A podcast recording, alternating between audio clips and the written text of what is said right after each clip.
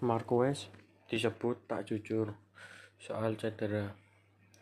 Honda melakukan investigasi. Perkembangan cedera Mark Marquez memasuki babak baru. Honda disebut sedang melakukan investigasi terkait cedera yang dialami oleh juara dunia MotoGP 6 kali tersebut. Mark Marquez menderita cedera parah usai mengalami kecelakaan set pada seri pembuka MotoGP 2020 yang digelar di sirkuit Jerez, Spanyol pertengahan Juli tahun lalu. Akibat kecelakaan tersebut, Marquez mengalami retak tulang lengan kanan. Pembalap kelahiran Cervera, Spanyol itu kemudian naik meja operasi untuk pemasangan pelat titanium di lengannya. Namun, meski baru saja mengalami kecelakaan hebat, Marquez membuat kejutan dengan kembali pada seri berikutnya yang digelar di tempat yang sama dengan tajuk MotoGP Andalusia.